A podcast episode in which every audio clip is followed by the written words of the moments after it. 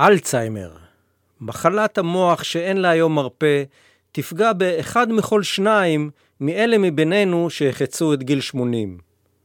מה נצליח להבין מהבשורה הקשה שיעביר לנו הרופא המטפל כשזה יקרה? ומה יהיה צפוי לנו בהמשך הדרך אל האבדון המוחלט של התודעה? למה אלצהיימר מפחיד יותר מסרטן? ואף על פי כן, אנחנו לא שומעים על חולי אלצהיימר ששמו קץ לחייהם. מה ההבדל בין נטייה לשכחה לבין דמנציה? ואיך בודקים את מצבו הקוגניטיבי של מראיין הפרק הזה? וגם, איך אפשר להתאהב בראש ממשלה מכהן שעבר אירוע מוחי? וכיצד עושים לו אבחון מנטלי? שיחה עם חוקר המוח, פרופסור תמיר בן חור, על מסתרי המוח האנושי ההולכים ונחשפים, אף שלא גירדנו את קצה גבולם, על מחלות פסיכיאטריות ועל תקוות מחקריות גדולות למציאת מרפא להן, ועל תופעה סמי-פסיכוטית אחת שאין לה תקנה, התאהבות.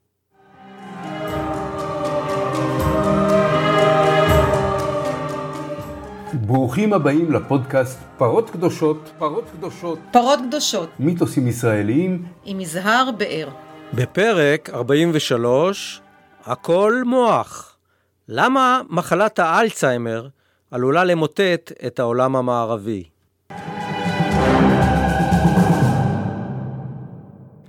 פרופסור תמיר בן חור הוא מנהל האגף לרפואת המוח, שמאגד את תחומי הנוירולוגיה, הנוירוכירורגיה והפסיכיאטריה במרכז הרפואי הדסה ובפקולטה לרפואה של האוניברסיטה העברית בירושלים.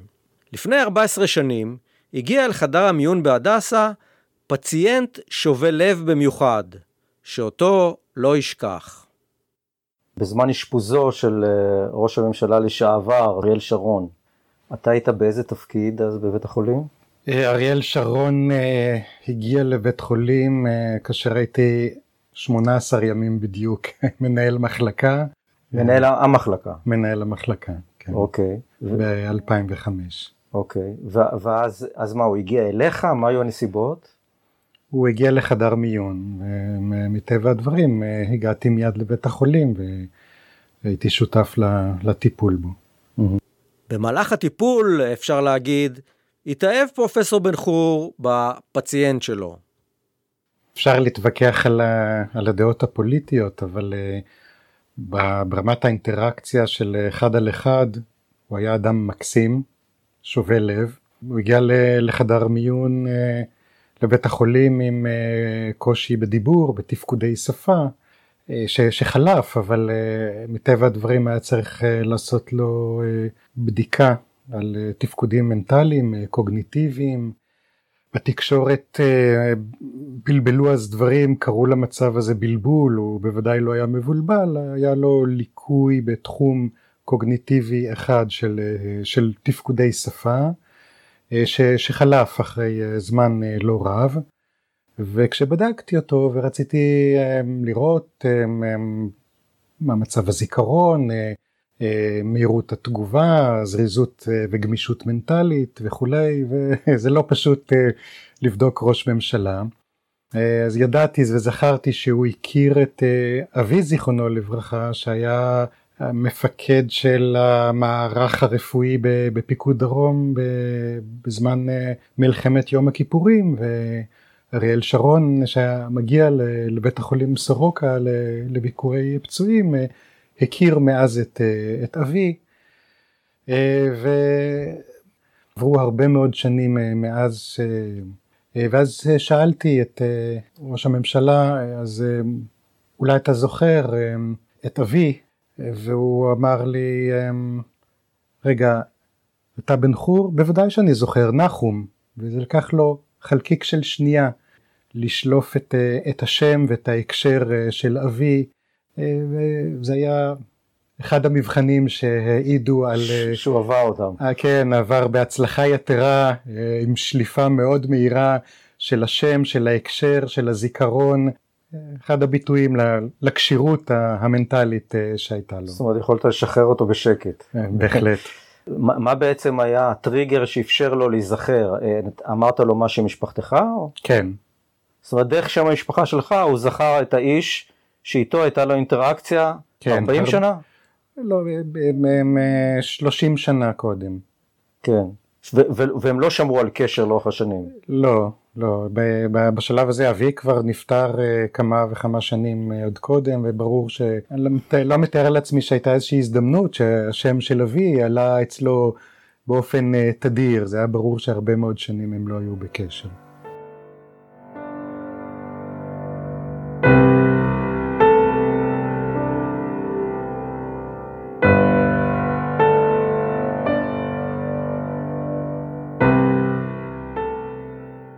אז זה, זה באמת אולי אה, טריגר אה, נוח בשבילנו לצלול קצת פנימה למסתרי המוח, אה, לא רק של ראש הממשלה, אלא של המוח הקולקטיבי והמוח הפרטי שלנו. אחד הנושאים שאתה עוסק בהם במחקר לאורך השנים, בחקר המוח, יש לו השלכות או נ- נגיעה, נגיעות ממשיות לנושא שמעניין כמעט כל אדם על הגלובוס, בעיקר בעידן הזה שיש אריכות חיים אה, הולכת וגדלה, מחלת האלצהיימר. אתה יכול להגיד לאדיוט כמוני, מה זה אלצהיימר? אז אה, באמת אה, נתחיל ראשית אולי ב, ב, במושגים והגדרות. המושג הרחב יותר הוא דמנציה. ואנשים אה, לפעמים לא מבינים מה ההבדל בין אלצהיימר לדמנציה. אז דמנציה זה המושג הרחב אה, שמתייחס למצב קליני של ירידה בתפקודים אה, קוגניטיביים של אנשים. מה זה תפקודים קוגניטיביים? זה מגוון אה, יכולות שונות שקשורות בזיכרון, בניווט תפיסת המרחב, תכנון, הוצאת אה, דברים מן, מן הכוח אה, אל הפועל, אה, תפקודי שפה, פירוש פענוח של גירויים ויזואליים מורכבים. יש טריטוריות קוגניטיביות רבות והקבוצה של המחלות הדמנטיות הן מחלות שיש פגיעה מוחית שגורמת לירידה בזיכרון ובתפקודים קוגניטיביים אחרים. המחלה שהיא הגורם הנפוץ ביותר לדמנציה היא מחלת אלצהיימר וזאת מחלה ספציפית, מחלה ניוונית של המוח אה, שיש אה, לה פתולוגיה מוחית אה, מאוד אה, ייחודית שמבדילה אותה מדמנציות אה, אחרות. המחלה אה, אה, מתחילה בשקיעה של אה, חלבון אה, בצורה פתולוגית אה, של חלבון שנקרא אמילואיד במוח. השקיעה הזאת של החלבון מתחילה רצף או שרשרת של שינויים פתולוגיים אחרים של המחלה שבסופו של דבר מביאה להתנוונות של תאי מוח וביחד עם ההתנוונות הזאת מאבדים את אותם תפקודים קוגניטיביים של, אה, של זיכרון ו, ויכולות מנטליות אה, אחרות. באיזה מידה מה שאני אגיד עכשיו יהיה נכון או מדויק? שהעיסוק האקטואלי ההולך וגובר באלצהיימר על כל השלכותיו, הרפואיות וה, וה, והחברתיות והמשפחתיות וכדומה, נובע בעיקר מהתארכות תוחלת החיים? אז אין ספק שזה הגורם המשמעותי ביותר, כי אה, השכיחות של מחלת אה, אלצהיימר עולה אה, עם הגיל. אז זקנה ואלצהיימר זה שני דברים שונים, זקנה זאת לא מחלה, אבל בזקנה יש יותר מחלות ויש קשר מובהק בין גיל לבין הסיכוי לחלות במחלת אלצהיימר. ואנחנו אומרים שבאופן גס אחרי גיל 60 השכיחות או ההיערות של מחלת אלצהיימר מכפילה את עצמה כל חמש שנים. לכן השכיחות עולה עם הגיל בצורה כזאת שסביב גיל 85 קרוב ל-40 או 50 אחוז מהאוכלוסייה סובלים מאלצהיימר או מרמה כזאת או אחרת של דמנציה ואין ספק שההזדקנות של האוכלוסייה היא פקטור אה, מאוד מרכזי בשכיחות שהולכת ועולה של המחלה הזאת, בצורה כזאת שהצפי הוא שבתוך שני עשורים מספר חולי האלצהיימר יהיה כל כך גדול שהעול הכלכלי והסוציאלי והרפואי יהיה כל כך גדול שאין מדינה, אין חברה, אין כלכלה שיוכלו להתמודד עם זה ולכן זה כל כך חשוב למצוא פתרונות למחלה. פתרונות שהם לאו דווקא מאריכים תוחלת חיים אלא משפרים את. את איכות החיים בתוך תוחלת החיים הצפויה על ידי זה הפתרונות שמקטינים את, ה, את ההיארעות של המחלה. אוקיי, עכשיו כשאתה אומר לאדם שהוא לא מתוך המערכים הרפואיים שהסיבה לאלצהיימר זה שקיעה של חלבון מסוים וכדומה, זה, זה לא אומר לי כלום. מה קורה באמת עם הגיל, אנשים שלוקים באלצהיימר? הבעיה היא תורשתית, זה בעיה אה, ביולוגית, פיזיקלית, אה, מה, מה, זה, מה זה התהליך הזה ש, ש, שקורה, שאתה יכול להגיד, אדם X יחלה באלצהיימר ופלוני יגיע לגיל 90, 95 ו, ו, ויהיה צלול. אז באופן גס אנחנו אה, מחלקים אה, בין הגנטיקה לסביבה מבחינת ההשפעה שלהם על מחלות שונות ואלצהיימר לא שונה אה, מהבחינה הזאת ממחלות אחרות שאנחנו אומרים זה בערך 50% גנטיקה 50% סביבה. המחקר בשנים האחרונות הביא לשיפור מאוד משמעותי בהבנה של אותה אינטראקציה בין סביבה לגנטיקה. למה הכוונה? גם אם יש לנו גנים רעים נאמר, שגורמים להצטברות של אותם חלבונים ולהתפתחות של אותם שינויים פתולוגיים שקשורים במחלת אלצהיימר. עכשיו נכנס הגורם השני של גורמים סביבתיים שהם אומרים שהאם השינויים הפתולוגיים האלה יתבטאו באמת במחלת מוח עם ניוון של המוח והתפתחות של דמנציה. ואנחנו מבינים יותר ויותר את הקשר בין גורמי סיכון למחלות לב וכלי דם, תזונה לקויה, פעילות גופנית, עיסוק, עיסוק קוגניטיבי, השכלה טובה, זיהומים שונים, שכל אלה גורמים סביבתיים שהם ניתנים לשינוי והם גם אם יש לנו מוח שהוא נאמר מועד לפורענות מבחינת הנטייה שלו לאלצהיימר, אנחנו יכולים אה, על ידי אה, מניעה של אותם גורמים סביבתיים אה, למנוע או לפחות לדחות באופן משמעותי את ההתפתחות של המחלה. אז כשאתה אומר 50 אחוז של השפעה סביבתית זה, זה נשמע מכיל בתוכו פוטנציאל דרמטי. זאת אומרת אתה יכול להגיד אם יש איזשהו מחקר שמלמד על השפעה של נקרא לזה גורמי תמיכה סביבתיים כמו משפחה, בדידות, דיכאון, אה, סטרס, ש- שיכולים לעודד או להוביל לאלצהיימר? אה, בהחלט אפילו הגורמים האלה אה, נמצאו קשורים בסיכון לחלות באלצהיימר.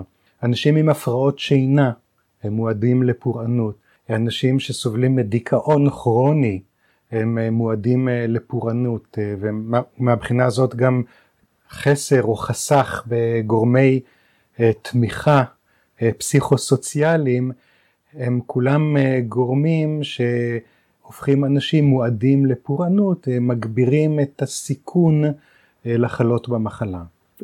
אתה יכול לדבר ספציפית, נגיד אם יש הבדלים בין אנשים שהם נשואים, בעלי משפחה, עם ילדים, לעומת אנשים אה, בודדים, גלמודים או אלמנים או אלמנות, בסיכוי שלהם אה, אה, לפתח אלצהיימר?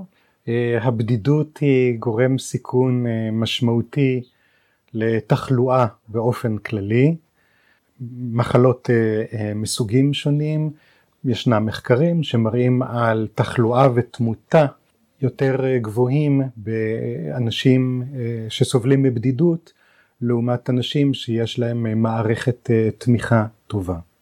זאת אומרת, זה, זה, זה מחקרים ש, שמששים בצורה חד משמעית את הקורלציה בין הדברים? כן. קורלציה היא לא אחד לאחד. כן. זה לא אומר שכל מי שסובל מדיכאון, כל מי שבודד, או כל מי שיש לו מחלת לב יפתח גם אלצהיימר, כל אלה הם גורמי סיכון שהם מעלים את הסיכון, מעלים את השכיחות אה, של המחלה.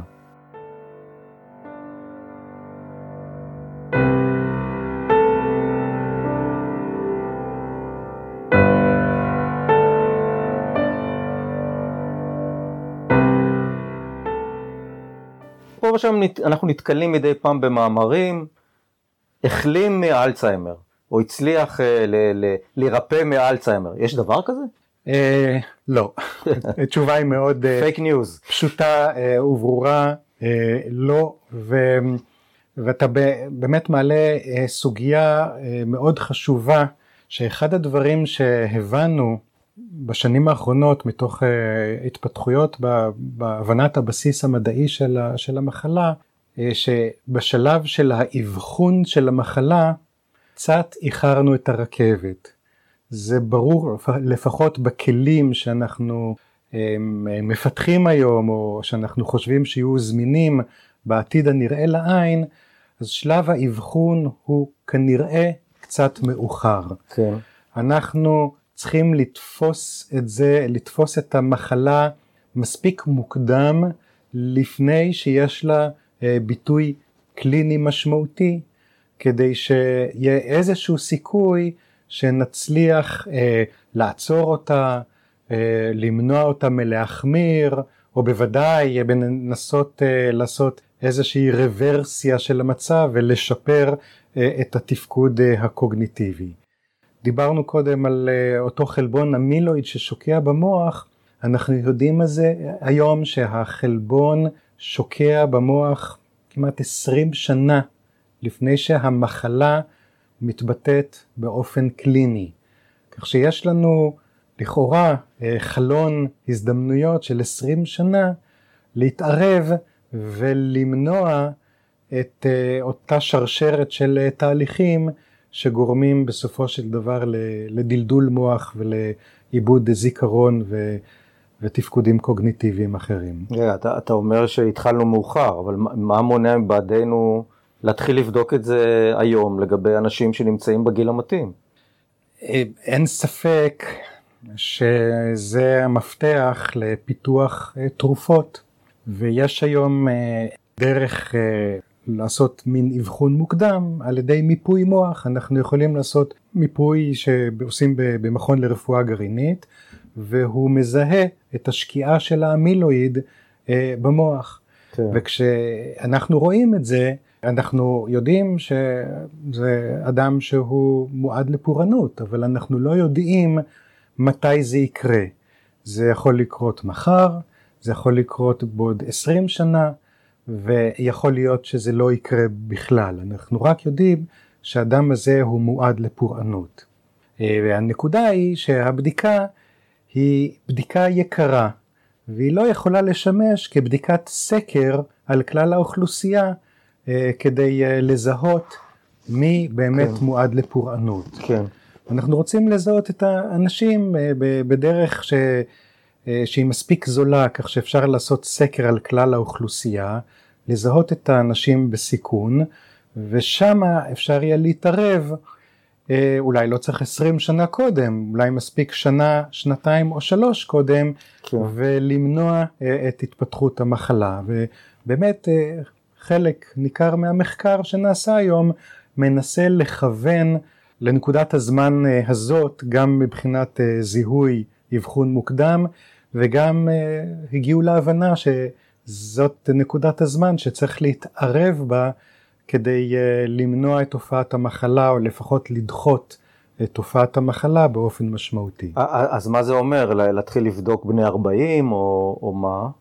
אה, אנשים בעשור השישי והשביעי, אה, זאת האוכלוסייה שהיינו רוצים לעשות אה, סקר מוקדם, רק שאין לנו היום עדיין את, ה, את הדרך, את הכלי, את אותו מבחן, שהוא יהיה מספיק פשוט ומספיק זול בשביל לעשות את הסקר. זאת אומרת, יש מקומות בעולם שזה נעשה? נגיד אנשים בעלי יכולת כלכלית עושים את זה?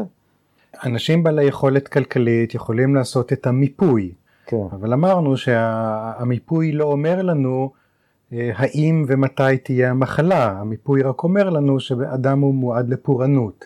שאיך זה, זה נעשה המיפוי? זה, זה מה, זה בדיקה של של המוח, ב-CT של המוח, מה זה? זה? זה מיפוי ברפואה גרעינית, זה מזריקים אה, לדם אה, חומר רדיואקטיבי בצורה מאוד קלה ש, שלא פוגעת אה, והחומר חודר למוח ונקשר לאותו חלבון ששוקע במוח ואז אנחנו יודעים לפי. התגובה, המיפוי, אותו מיפוי רדיואקטיבי, האם יש שקיעה של החלבון הפתולוגי במוח. מה רואים? אמ, אז המחשב יודע... אה, המחשב מפענח. יודע לפענח את זה ולהגיד אה, שיש אה, זה לא, תמונה, זה לא תמונה ויזואלית? זו, זו תמונה ויזואלית ש, שמראה את המוח עם האנטומיה הבסיסית של המוח ולפי הפעילות הרדיואקטיבית המחשב מתרגם את זה לצבע ולפי עוצמת הצבע אנחנו יודעים כן. אם יש שקיעה משמעותית או לא של, ה, של חלבון המיל, כן. המילואיד במוח. שזה יכול להיות מפחיד מאוד לבעל הדבר, לראות תמונה כזאת. כן, הבדיקה אה, אה, קיימת היום והיא בשימוש אה, מחקרי מכיוון ש... יש פה... אפשר להיכנס לסטרס ולקבל אלצהיימר רק מזה אולי. כן, מצד אחד חייבים אבחון מוקדם בשביל לפתח תרופה. אה, מצד שני, אה, אין טעם אה, לעשות אבחון מוקדם אם אין לנו תרופה. אין, אין עדיין תרופה. אין, אין לנו תרופה היום ש, שעוצרת או שמונעת את המחלה. יש מי שעובד על זה? זה יכול להיות מיליון, מיליארד, ביליון דולר ההמצאה של המאה, לא? ללא ספק, ויש הרבה מאוד קבוצות מחקר וחברות פארמה. שעובדים ומנסים לפתח תרופה. יש אה, התקדמויות אה, והם ברמה שמבינים היום יותר טוב אה, לאן לכוון. ואני יכול לתת לך דוגמה. מוסכם על ידי רוב החוקרים שהדבר הראשון שקורה במוח זה באמת אותה שקיעה של חלבון המילואיד. אז זה דבר שיודעים אותו כבר שנים רבות ולכן פיתחו תרופות שתפקידן היה למנוע את אה, שקיעת החלבון. כן. ופיתחו תרופות אה, חכמות מסוגים אה, שונים, ראשית היו תרופות שניסו להתערב באותם תהליכים ביוכימיים מולקולריים שקשורים בייצור של החלבון הפתולוגי, בשנים האחרונות פיתחו שיטות אימונולוגיות, כמו למשל נוגדנים שמגיעים למוח ו... וקושרים את החלבון הזה ומנקים את המוח מהחלבון במחשבה שאם נמנע את שקיעת החלבון אז נמנע את תופעת המחלה. השקיעו בזה מאות רבות של מיליוני דולרים אם לא יותר מכך. חברות הפארמה היו כמובן מעוניינות בדבר הזה כי זה בלוקבאסטר שיכניס להם הרבה מאוד מיליארדים של דולרים. כל הניסויים הקליניים האלה נכשלו.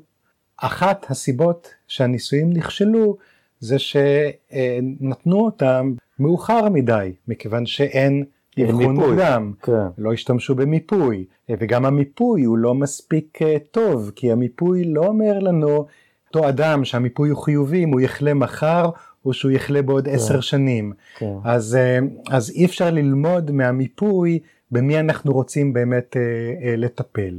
הסיבה השנייה אה, ש, שהם נכשלו מכיוון שברור היום שהשקיעה של החלבון הזה זה אולי האירוע הראשון, זה הטריגר, אבל אחר כך נכנסים לתמונה עוד גורמים נוספים אה, אחרים שהם כבר רצים אפשר לומר באופן עצמאי, שגם אם הוצאתי את החלבון הרע הזה, אה, אולי לא עצרתי את המחלה כי כבר זה הפעיל שרשרת של דברים ש, כן. ש, ש, ש, שה, שהפיצוץ כבר התרחש, גם, כן. אם, גם אם הסרתי את, את אותו טריגר ראשוני, כן.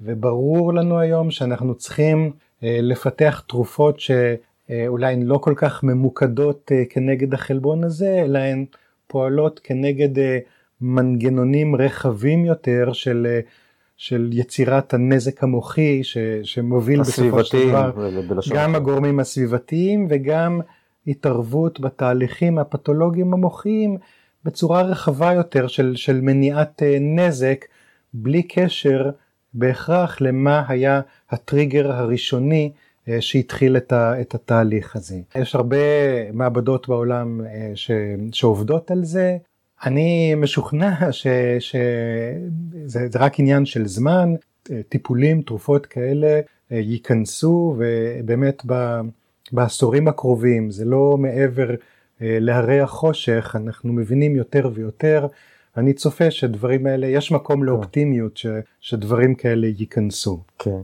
אם, אם יש השפעה כזאת של גורמים סביבתיים, אז השאלה שלי, אדם שנמצא בסיכון, או שהוא כבר ב, בתוך תהליך של כניסה לשרשרת הזאת שאתה מדבר עליה, שמובילה לאלצהיימר, אם הוא ישנה את הרגלי החיים שלו באופן דרמטי, יתחיל לעסוק בספורט, ישנה תזונה, ישנה את אורח החיים, האם הוא, הוא יוכל לעכב או לשנות את גורלו במובן הזה?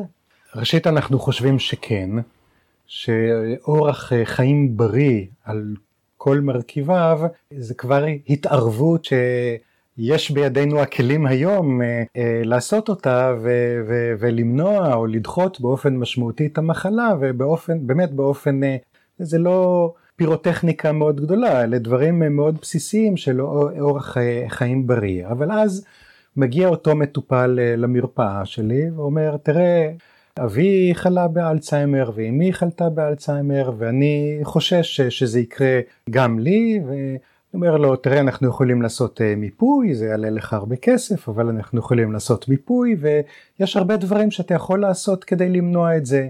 תעשה ספורט ותקרא הרבה. אל תסתכל כל כך בטלוויזיה, תשקיע בקריאה, זו פעילות קוגניטיבית הרבה יותר אה, טובה, תשפר את, אה, את התזונה שלך, תזונה ים תיכונית בריאה, תטפל בגורמי הסיכון הווסקולרי שלך אה, כמו לחץ דם והסוכר והכולסטרול ותטפל ב, בלחץ דם ותוריד את המלחים אה, ותשפר את איכות השינה שלך, יש אנשים עם אה, דום נשימה בשינה וכולי וכולי וכולי והוא אומר לי עזוב אותך מהדבר הזה אין לך איזה תרופה בשבילי כן. זאת המציאות, זאת משימה לא פשוטה לאנשים כן. לעמוד בה. כשאני מתפתלת, מסתכל בי ומוציא חיוך. כמה שנים המחלה הזאת שנקראת אלצהיימר על שם אלצהיימר, כמה שנים היא, היא ידועה ומוגדרת ומקובלת כמחלה? אמ, אלואיז אלצהיימר היה נוירופתולוג גרמני אה, והוא אמ, תיאר את המחלה לפני אה, למעלה ממאה שנה על אה, מטופלת שהייתה מאושפזת במוסד לחולי נפש ונפגעי נפש אז לא הבדילו בין המחלות השונות ומחלות הנפש ומחלות הנוירודגנרטיביות כולן הוכנסו תחת סל אחד והוא זיהה שמשהו אצל החולה הזאת שונה מאשר אה, מחלות הנפש הרגילות שהוא, שהוא ראה שם. אה, כשהיא נפטרה הוא לקח את המוח שלה, אה, עשה וחקר אותו מבחינת השינויים הפתולוגיים של המוח ותיאר את השינויים הפתולוגיים הספציפיים של מחלת אלצהיימר שנקראה על שמו. מאז התרבות הרפואית השתנתה שקוראים למחלות על שמות החולים ולא על שמות הרופאים. אבל בתקופה ההיא כן. אה, כך היה נהוג. בעצם מה היה לפני כן? גם אז קראו אה, לזה דמנציה, אבל, אה, אה, אבל גם ל, ל, לסכיזופרניה כמחלת מוח לכל דבר, אבל היא מוגדרת כמחלת נפש, גם הצרפתים קראו דמנציה פריקוקס, זאת אומרת אה, אה, אנשים עם סכיזופרניה פיתחו דמנציה מוקדמת והרפואה אז פשוט הכניסה את הכל תחת סל אחד ולא ידעה לגמרי להבדיל בין המחלות השונות לאורך החצי השני של המאה ה-19 ותחילת המאה ה-20. אגב, אלואיז אלצהיימר עצמו נפטר הוא היה בעודף משקל, הוא אהב אה, לעשן, היו לו גורמי סיכון אה, אה, לא מטופלים והוא עצמו נפטר בגיל צעיר פחות או יותר כמו אותה מטופלת שהוא תיאר את המחלה מכיוון שהוא לא טיפל בגורמי הסיכון שלו. לו הוא היה חי היום הוא היה ומטפל כמו שצריך בגורמי הסיכון האלה כן. הוא היה חי חיים הרבה יותר ארוכים ובריאים. אבל הוא לא חלה באלצהיימר. לא. אז, אז בעצם, איך נעשית היום ההבחנה הרפואית? איך רופא קובע שהמטופל סובל מאלצהיימר ולא מדמנציה רגילה? הזיהוי של החלבון? אנחנו עורכים בדיקה או הערכה קוגניטיבית, מבחנים נוירופסיכולוגיים, שבהם אנחנו בודקים את, באמת את התפקודים הקוגניטיביים, זיכרון וריכוז וכמו שאמרתי תפקודים אה, ניהוליים ותפקודי אה, נביגציה, ותפיסת מרחב אה, ועיבוד ראייתי גבוה ותפקוד שקוראים לו פרקסיס, לא, לא ניכנס לכל המושגים ואנחנו עורכים מבחנים נוירופסיכולוגיים ואנחנו רואים אם יש בהם פגיעה והרבה אנשים אה, מגיעים למרפאה אה, ושואלים, אה, אני לא זוכר כל כך טוב, אני צריך לרשום כל דבר, האם יש לי אלצהיימר, ואנחנו בצורה לא רעה יכולים על ידי הבדיקה הקלינית להגיד האם השינויים הקוגניטיביים שאנחנו רואים הם השינויים הנורמליים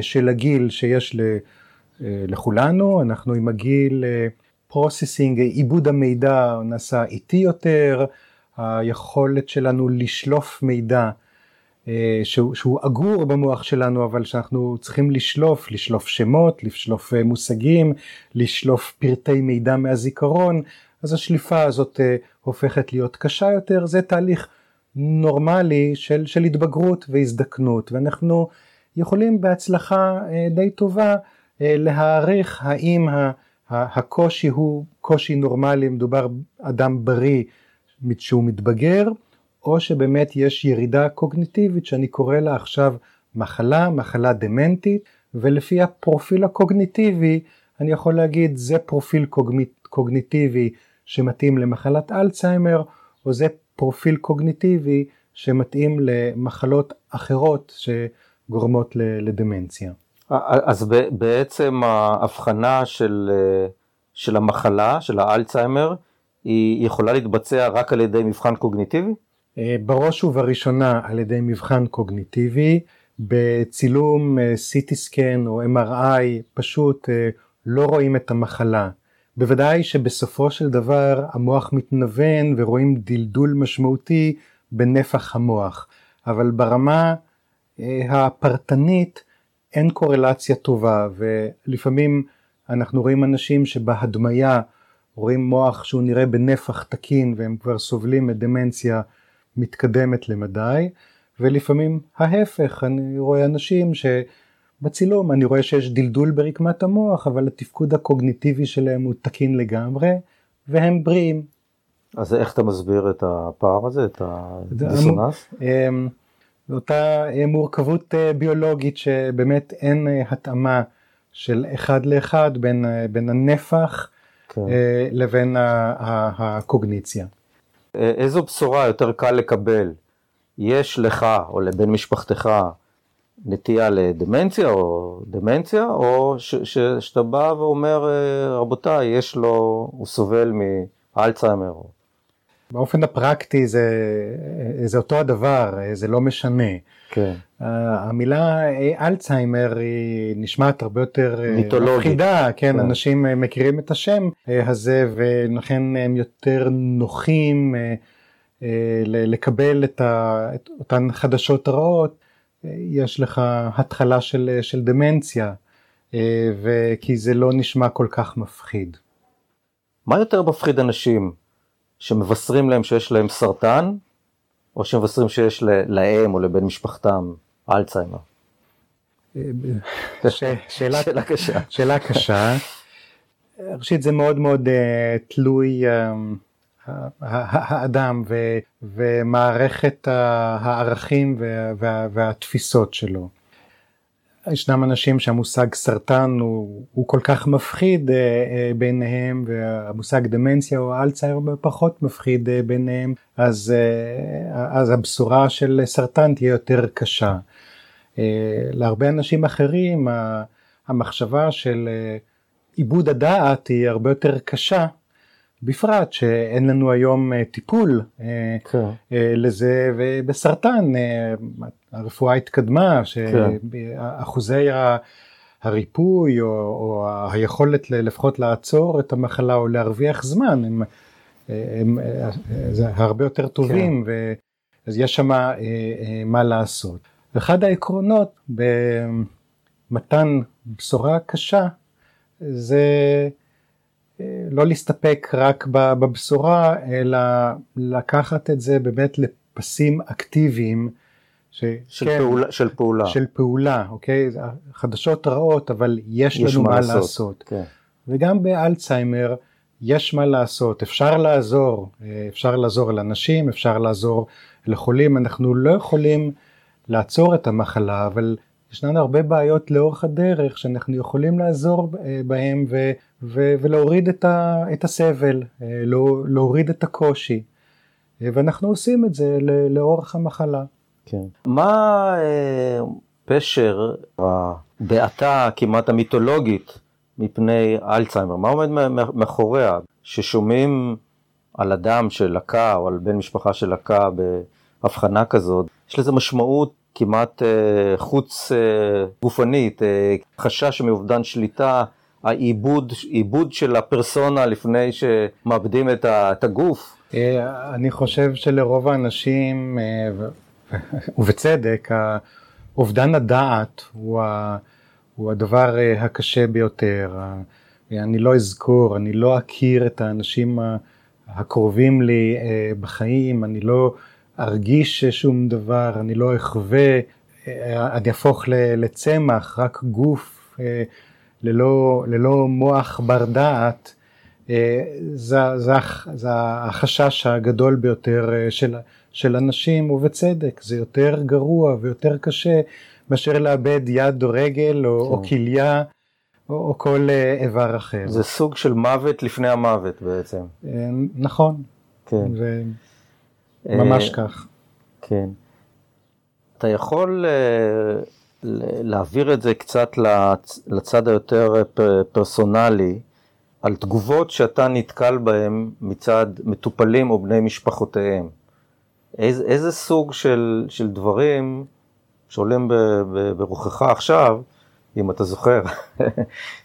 מגוון התגובות אה, הוא, הוא, מאוד מאוד גדול. תמיד הסיטואציה של, של, של בשורה קשה כזאת היא סיטואציה קשה ולא לא, לא פשוטה. אני יכול להגיד שאני מעולם לא התרגלתי אליה וזה תמיד, זה קשה גם לי. זה חלק מהעבודה צריך לעשות את זה. אה, והמגוון של התגובות הוא מאוד מאוד גדול. גם בגלל שאנשים מאוד מאוד שונים ומגיבים, אבל גם בגלל שהמחלה יכולה להתבטא בצורות שונות ותלוי איפה ואיך היא פגעה במוח, כך זה משפיע על התגובה אה, של המטופל. למשל, בן אדם שהמחלה פגעה כבר בשלב מוקדם באזורי מוח שקשורים לתובנה, אז ממילא אם אין לו תובנה למצב שלו, אז הוא לא כל כך מוטרד. אדם אה, שזה פגע בצורה מאוד קשה בשלב מוקדם דווקא בטריטוריות של זיכרון, אז הוא ישכח כעבור דקות את, אה, את מה שנאמר. אבל אה, אנשים ש, שה... הטריטוריות הקוגניטיביות של זיכרון ושל תובנה ושל שיפוט שמורים אצלם, אבל תפקודים אחרים אה, לקויים, אלה אנשים שיכולים להגיב בצורה קשה, אה, עם תגובה דיכאונית, עם תגובה חרדתית, ואז זה קשה, וצריך כמובן לטפל באספקטים האלה, הם אספקטים טיפוליים ש, שניתן להקל על, ה, על אותה תקופת התאקלמות. כן, ל, אבל, אבל אתה, יכול, הזאת. אתה יכול לתת דוגמה מוחשית, מה, מה אומרים לך מטופלים או בני משפחה, איך, איך, איך הם מגיבים, מה הם אומרים כשהם מקבלים את הבשורה? חלק אה, גדול אה, מגיבים בשקט, זאת אומרת, זה, אין, אה, הסיטואציה במרפאה היא ברוב המקרים לא סיטואציה קורעת לב של... לא, לא סיטואציה הוליוודית. לא, לא כן. לחלוטין לא. זה נכון אגב גם, ב, גם בבשורות קשות אחרות, שהרבה פעמים התגובות הן תגובות מאוחרות יותר, כן. מושהות. כן. כי זה לוקח אה, זמן עד ש, שהמידע נקלט ומעוקל.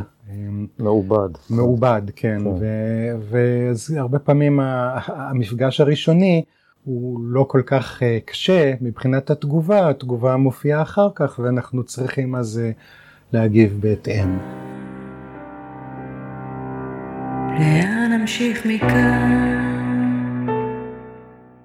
איפה, איפה אתה כרופא ואיפה אתה כחוקר, כאן כשאתה אתה מלווה את, ה, את המטופל בהמשך לאורך הזמן?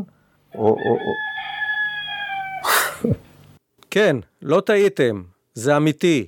שמעתם תרנגול, התרנגול שלי, שמסתובב עכשיו בזמן הרעיון בחצר. הוא עוד ישוב. כרופא אני, אני רואה את המטופלים ו, והולך איתם את אותה הגבר. כן. אומרות הבריות בזלזול מוח של תרנגולת, והן לא יודעות מה הן מדברות. בניגוד למיתוס המקובל, התרנגולות הן מבעלי הכנף החכמים ורבי התושייה. כך לפחות על פי הניסיון שלי. בכל קרבות המוחות ביני לבין התרנגולות, שמנסות להסתיר מפניי את הביצים שלהן, הן כמעט תמיד מנצחות. אמרו מעתה, מוח של תרנגולת בהערכה רבה. אבל כאן זה היה כבר יותר מדי, ויצאתי לנזוף בתרנגול שלי שלא התחשב בשיחתנו על מסתרי המוח האנושי.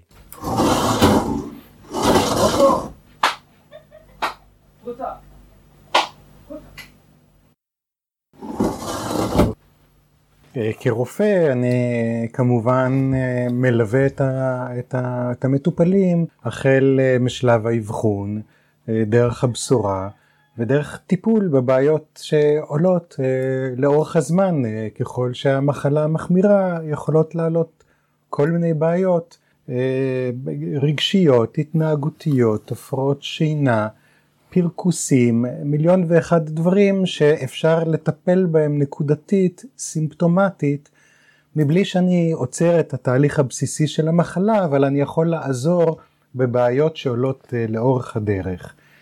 וזה אני עושה כ- כרופא.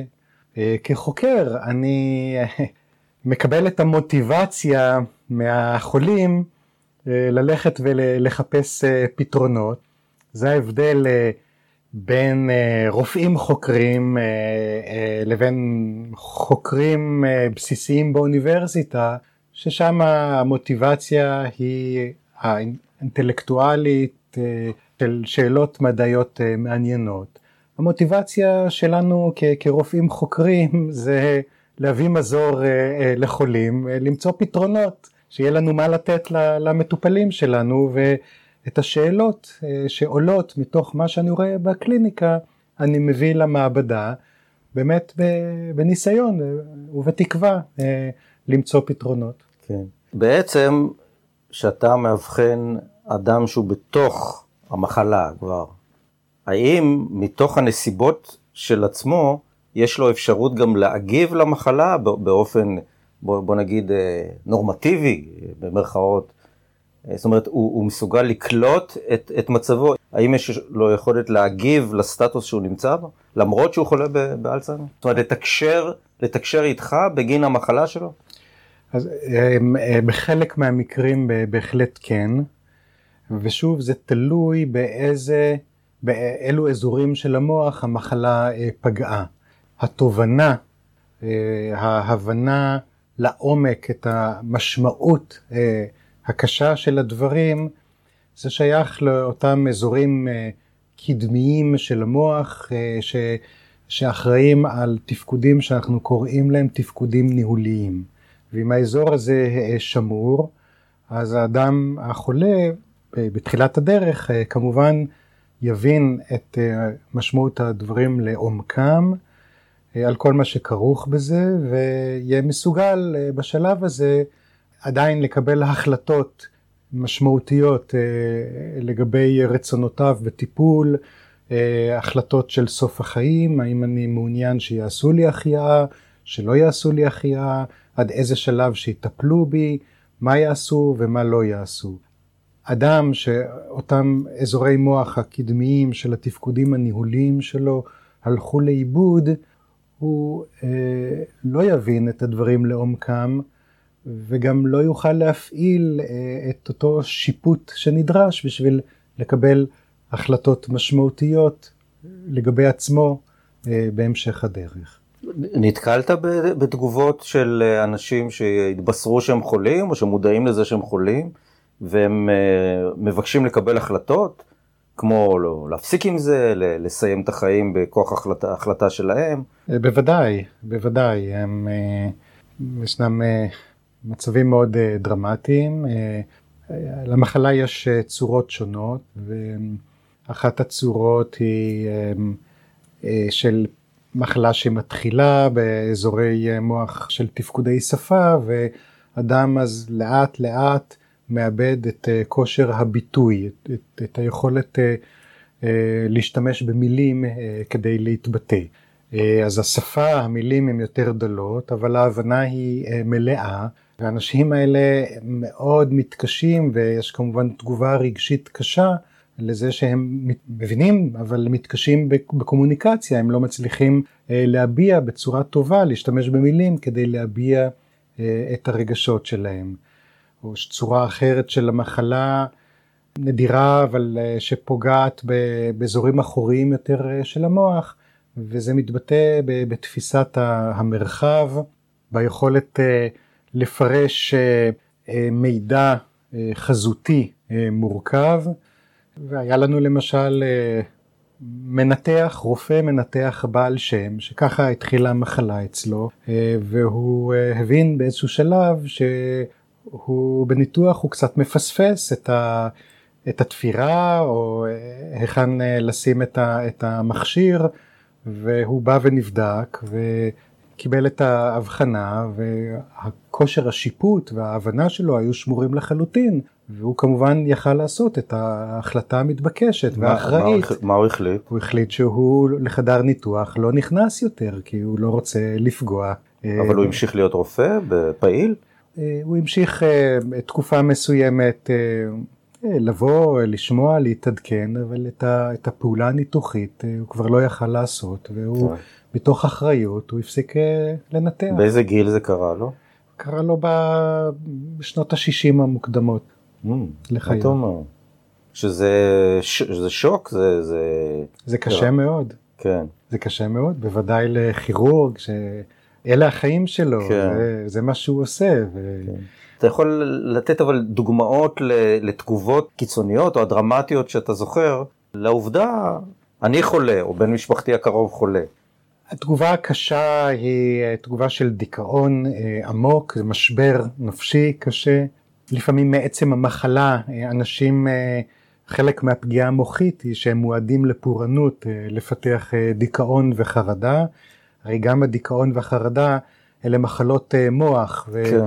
ויכול להיות שהתהליך, המחלה שהתחיל במוח, גורם להם להיות מועדים יותר, רגישים יותר, לפתח אה, תגובה דיכאונית וחרדתית, שהיא לפעמים מאוד קשה.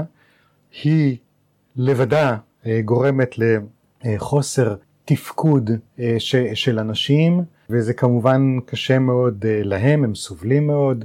קשה מאוד לסביבה, למשפחה, וכאשר זאת תגובה נפשית לחדשות אה, הרעות האלה, אבל המחלה היא בשלבים מוקדמים ואנחנו יכולים לתת תרופה מתאימה, אנחנו יכולים מאוד להקל אה, על הדבר הזה ובשלב הזה עוד לשפר את התפקוד של האנשים ולהחזיר אותם למצב התפקוד הבסיסי שהוא עדיין כן, טוב. כן.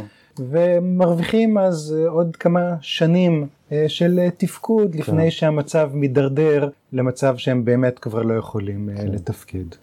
עמדת פעם באיזושהי דילמה מוסרית או משפטית ששמא מטופל יעשה מעשה קיצוני או מעשה שאתה צריך לדווח עליו או מעשה שאתה צריך להיות מעורב בו, לפגוע בעצמו או משהו מסוג הזה? דילמה מאוד נפוצה זה אה, מתי המטופל אה, כבר אה, אינו יכול להחליט בשביל עצמו. מתי צריך להחליט בשבילו, מתי צריך למנות לו אפוטרופוס. ולפעמים אה, ישנם אנשים שהם בחלק מהתפקודים שלהם הם מאוד עצמאיים ועושים אה, דברים, אבל ברור שהשיפוט שלהם הוא לקוי.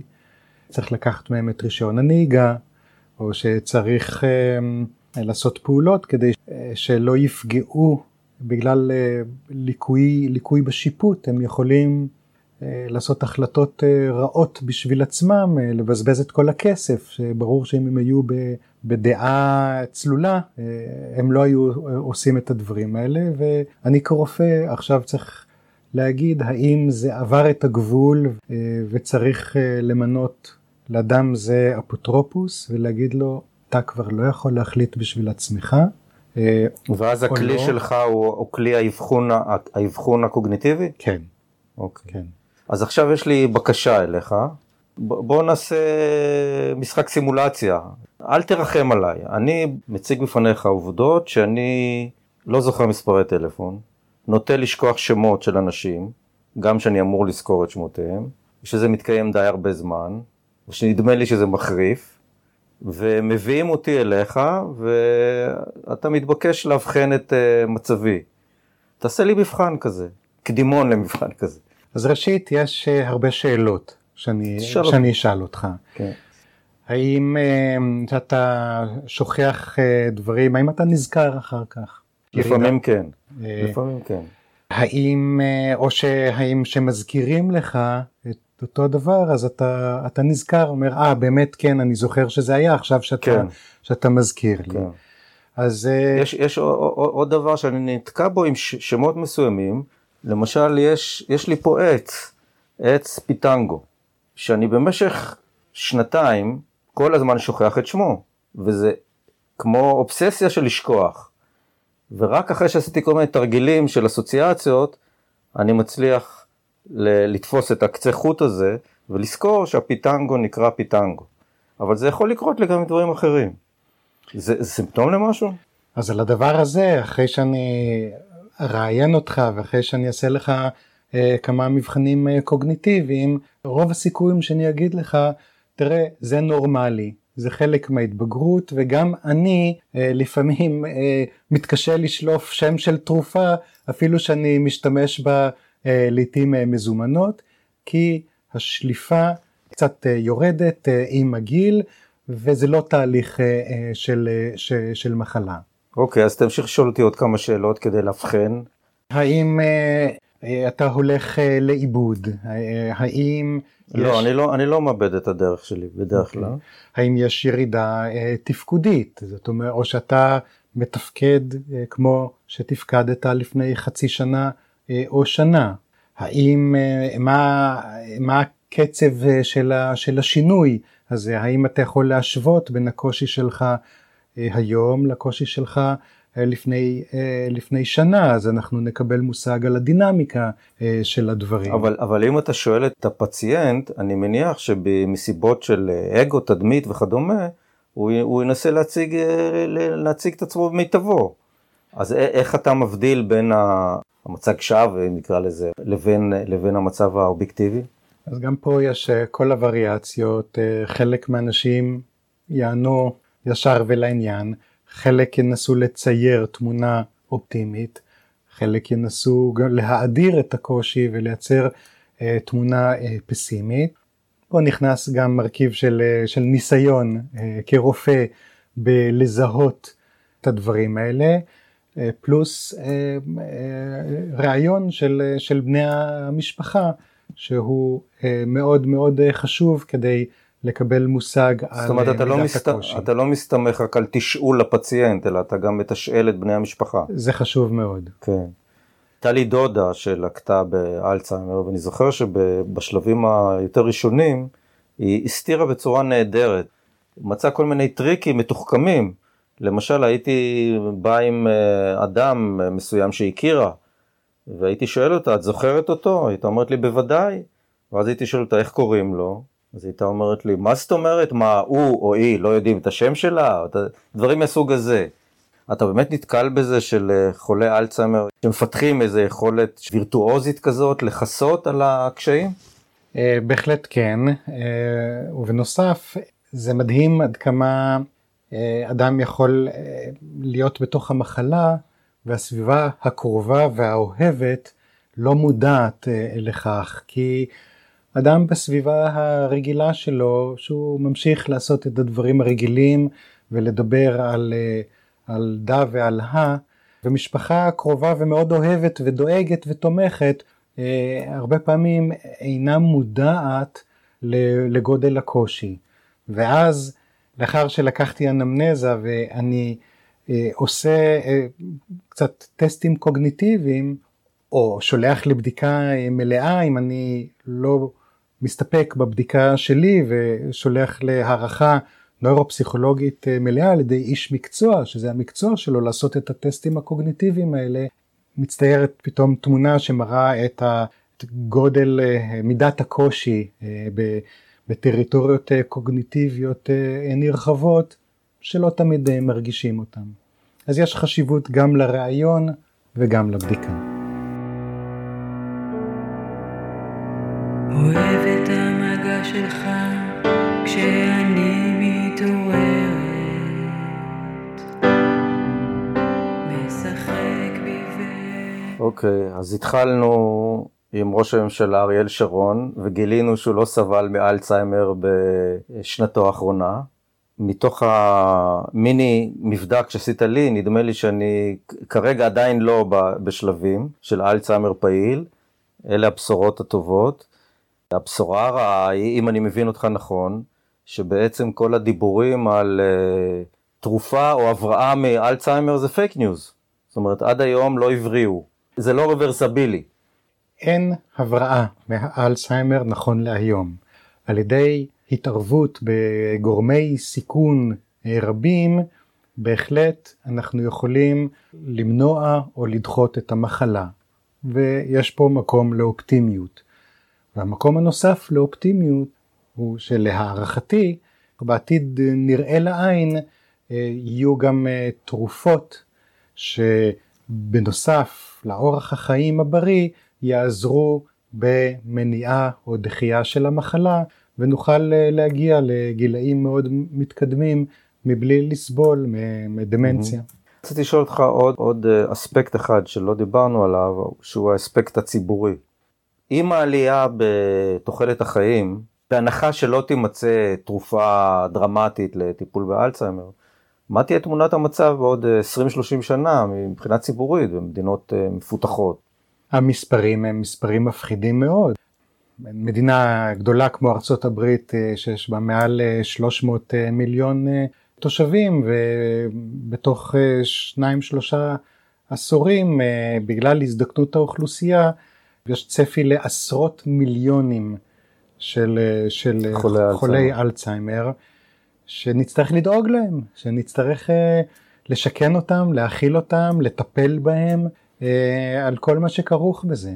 מה, מה המשמעויות הציבוריות והכלכליות והחברתיות לטיפול במסה של חולי אלצהיימר בהשוואה לאותו מספר של אנשים מבוגרים בני אותו גיל שסובלים ממחלות זקנה רגילות. ו...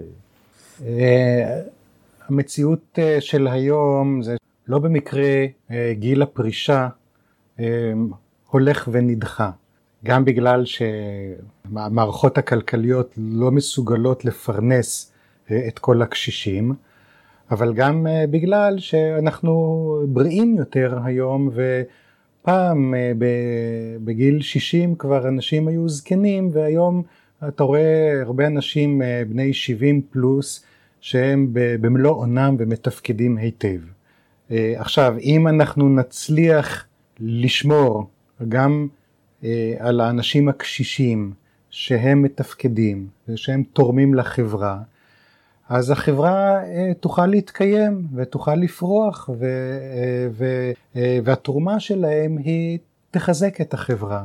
אבל אם האנשים האלה יהיו יותר ויותר דמנטיים, הם יהוו עול לא רק שצריך לשכן אותם, להאכיל אותם, לפרנס אותם, אלא שצריך מערכת שלמה, יקרה מאוד, של אנשים שמטפלים בהם, ואובדן של ימי עבודה, עבודה של, ה, של המשפחה, של הילדים שמטפלים ב, אה, בהורים החולים שלהם. הנזק הכלכלי הוא כל כך קשה ששום חברה אה, לא תוכל אה, לעמוד בעול הזה ולכן זה כל כך חשוב למצוא פתרונות שישמרו על האנשים בגילאים המתקדמים כאנשים שתורמים לחברה ולא מהווים עול על החברה. מישהו כימת את, את, את העלויות האלה שאתה מדבר עליהן? כן, אנשים מתחום האפידמיולוגיה, עם התחזיות לתוחלת החיים ועם ה... ובהתאם תחזיות למספר חולי על אלצהיימר וההוצאות הישירות וההוצאות העקיפות על אלצהיימר, אנחנו, שוב, לכלכלה כמו הכלכלה האמריקאית, אנחנו מדברים במאות מיליארדים אם לא למעלה מזה. אמ, אוקיי. Okay. אתה עומד בפני סיטואציה שאתה מול החבר הכי טוב שלך, שחלה באלצהיימר. דיברנו על הנתק מהתודעה ומהמודעות ומהפרסונה, ו... והאיש הופך ל... למשהו אחר ממה שהוא היה, הוא, לא, הוא כבר לא מודע ולא זוכר ולא מכיר. איזה, איזה עצה אתה תיתן לאותו חבר דמיוני אבל עצה אמיתית, לא עצה של משפטן, אלא עצה שאתה אומר, את העצה הזאת הייתי נותן לעצמי אם הייתי יכול במצב כזה. יש סיבה לחיות? אני חושב שצריך להפריד פה אה, ביני כרופא אה, לביני כחבר. אחד הדברים אה, ש, שלמדתי אה, לזהות את המעורבות הרגשית שלי כשאני מטפל באנשים ולשים את הגבולות ולהגיד המעורבות הרגשית הזאת אה, משפיעה על השיפוט שלי כרופא. אני עכשיו צריך לזוז הצידה ולהיות חבר אה, ולא רופא. Okay? אוקיי? זה דבר חשוב לזהות.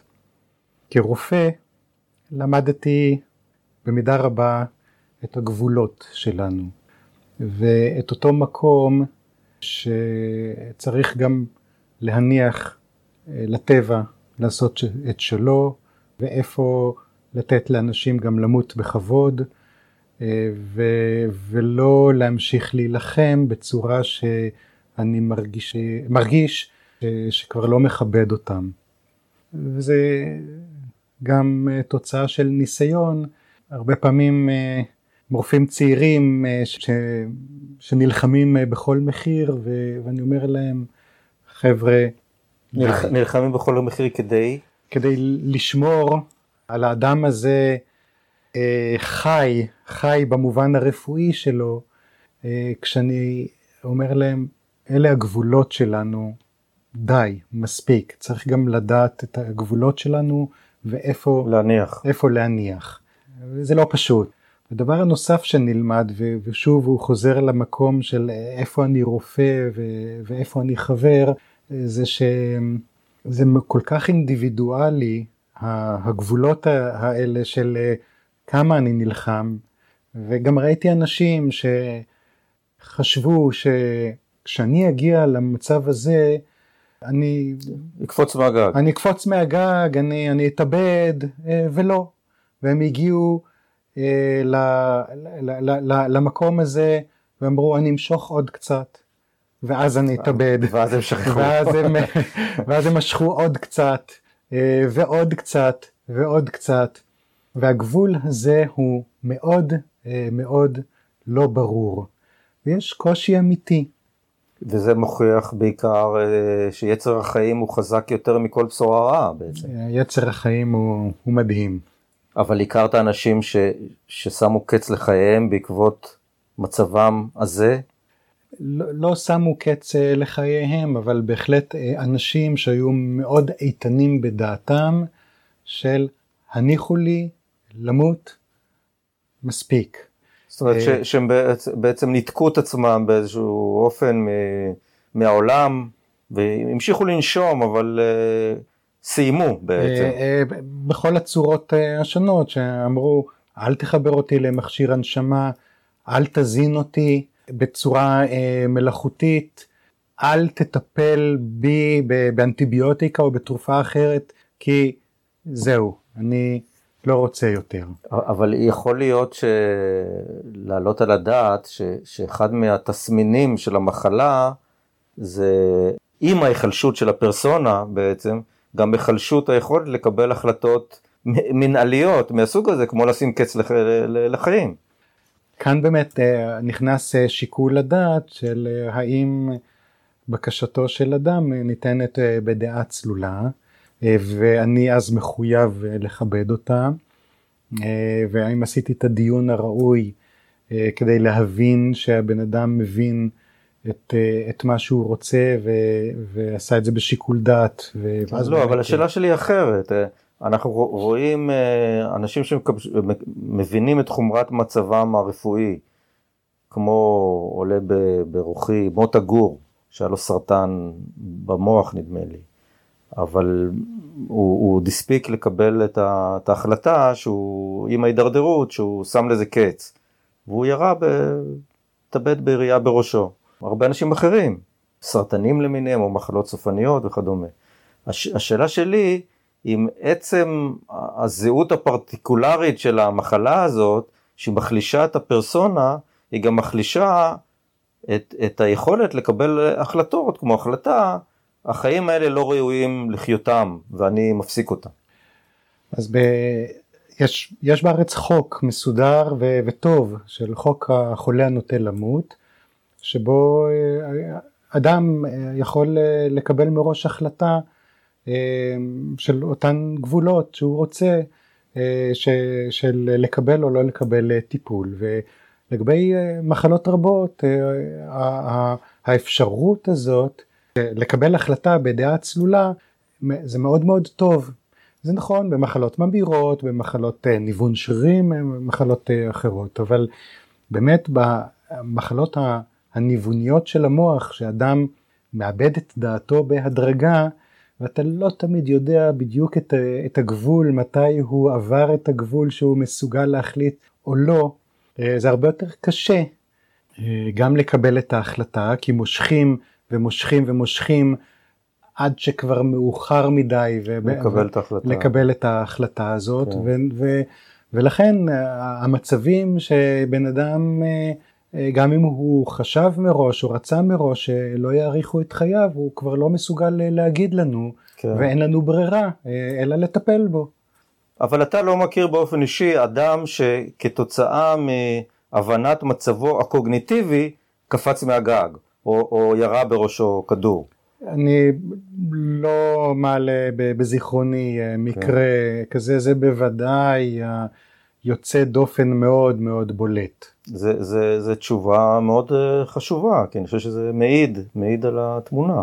כן. כן.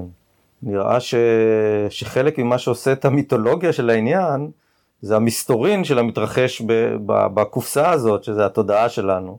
אתה יכול להגיד, אה, אפשר לכמת את זה באחוזים, כמה אנחנו פענחנו ממסתורין המוח האנושי? אחוז? עשרה אחוז? אה, אה, שבריר אחוז?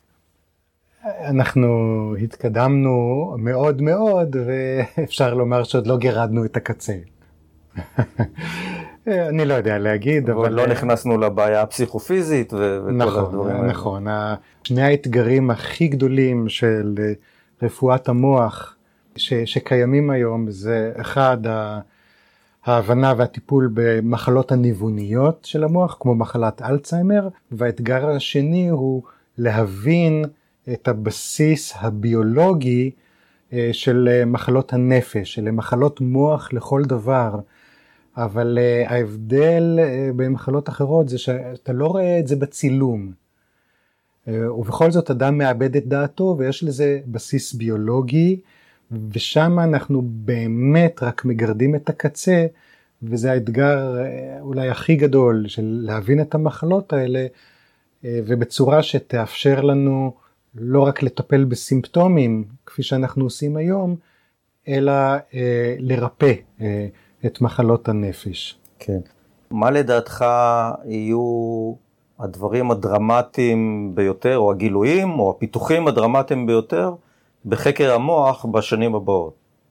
אה, אני חושב שבעשורים הקרובים אה, אנחנו נבין הרבה יותר אה, את מחלות הנפש, המחלות הנוירופסיכיאטריות. כתוצאה מזה הקלסיפיקציה של המחלות האלה תשתנה לחלוטין, זה כבר די ברור היום שזה ישתנה, ויכולת ההתערבות שלנו תשתפר לאין ארוך. זה מגורמי התחלואה החשובים ביותר שיש בכלל. והאתגר השני, כפי שאמרתי, אלה המחלות הניווניות של המוח, כמו אלצהיימר ופרקינסון וכדומה, אה, שאני חושב שזה עניין של, אה, של זמן ולא כל כך הרבה זמן שיהיו לנו תרופות שאנחנו נוכל אה, להתערב במחלות האלה.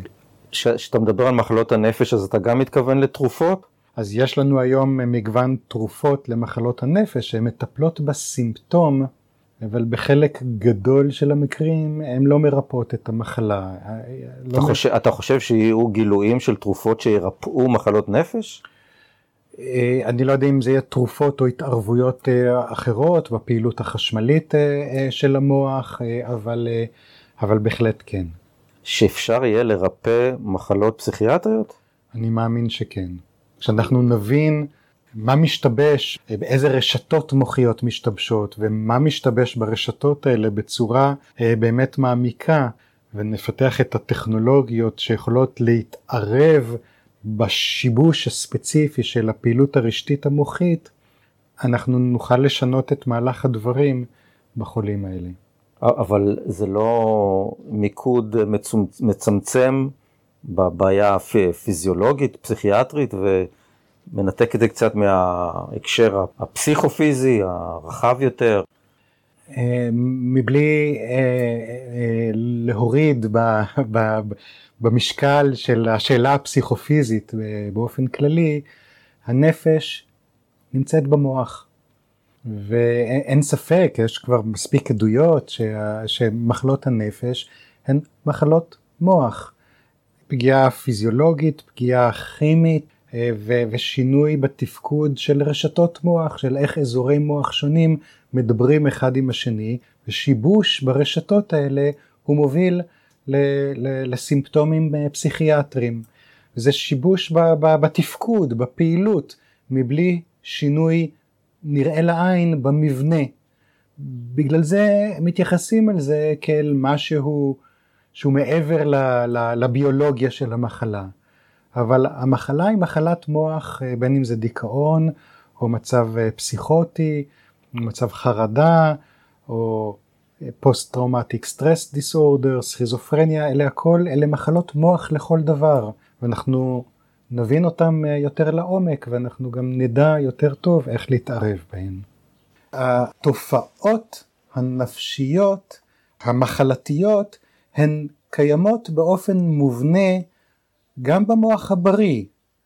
גם המוח הבריא יכול לפתח אה, תגובה דיכאונית שיכולה להידרדר לדיכאון שהוא מחלה, או יכולה, המוח הבריא יכול לפתח תגובה חרדתית שיכולה להידרדר למצב של חרדה שהיא מצב של מחלה, כן. או המוח הבריא יכול לפתח uh, תופעות, וזה קורה לכולנו, שנדמה לנו דברים, אנחנו מדמיינים דברים, אנחנו חושבים דברים שהם לא קיימים, תופעות שהן ממש פסיכוטיות, מבלי שאנחנו חולים במחלה הפסיכוטית. אז הפוטנציאל לפתח תופעות פסיכוטיות הוא מובנה מה, מה בתוך זה, המוח שאמרת הבריא. אמרת התאהבות למשל. נכון, אה, אנשים אה, מתבדחים על כך שמה המצב הפסיכוטי הנפוץ ביותר באנשים בריאים, זה התאהבות. אנחנו רואים דברים שלוקח לנו אולי כמה שנים כדי לראות את המצב אה, לאשורו. כן. אה, אז, אז אה, הלוצ... זה, זה הלוצינ... סוג של הלוצינציות. כן, זה, זה סוג של אה, אה, ליקוי בתפיסת המציאות, אוקיי? שזאת ההגדרה אה, של, של מצב פסיכוטי. אז הפוטנציאל למצב פסיכוטי הוא קיים באופן מובנה במוח הבריא. אז מה קורה אצל פסיכוטים פסיכוטים? שהם מאבדים את היכולת אה, לתקן. לחזור. לחזור ל- למצב שהם- שמבין, רגע, ה- ה- האמת או הדברים היו מול הפנים שלי, מול הפרצוף שלי כל הזמן, ולא ראיתי אותם. משהו השתבש ולא ראיתי, אבל עכשיו פתאום אני רואה את המצב לאשורו. זה בסופו של דבר קורה באנשים הבריאים, ולא קורה אצל האנשים אה, שיש להם מחלה. אבל. הרשת המוחית, אותה מערכת מוחית, כן. אותם חיבורים כן. מוחיים שיוצרים את, ה, את אותו מצב האשליה, הוא קיים אצל כולנו. אז ישנו פוטנציאל שאני אוכל לתקן אותו או לשפר אותו גם באדם החולה. אז, אז בעצם אה, אפשר לסכם את דבריך שהכל מוח? זו בשורה טובה או רעה? אני לא יודע אם הכל, אבל הרבה מאוד. ב- זה- זו בשורה מעניינת, ובמחלות האלה אני חושב שזו בשורה טובה, כי יש למה לצפות. אוקיי, טוב, אז כולנו תקווה. בהחלט. תודה רבה, היה מרתק. תודה. תודה. לפני סיום, מפעם לפעם אשלב בפרקים הבאים של פרות קדושות יצירות של מוזיקאים ישראלים לא מוכרים, שאינם מושמעים בדרך כלל בכלי תקשורת מרכזיים, על מנת להציגם בפני מאזינינו ולעודד את יצירתם. שירה ויזל היא יוצרת צעירה שהוציאה כבר שני דיסקים, נהנית ולאן נמשיך מכאן. אפשר להאזין לשיריה של שירה ויזל דרך אה, כתובת אתר האינטרנט שלה. הנה השיר "לאן נמשיך מכאן", מתוך הדיסק שלה בשם הזה. האזנה נעימה.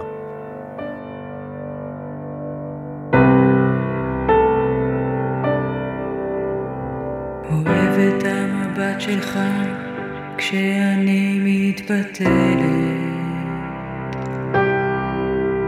מסתכל בי ומוציא חיוך קטן לאן נמשיך מכאן?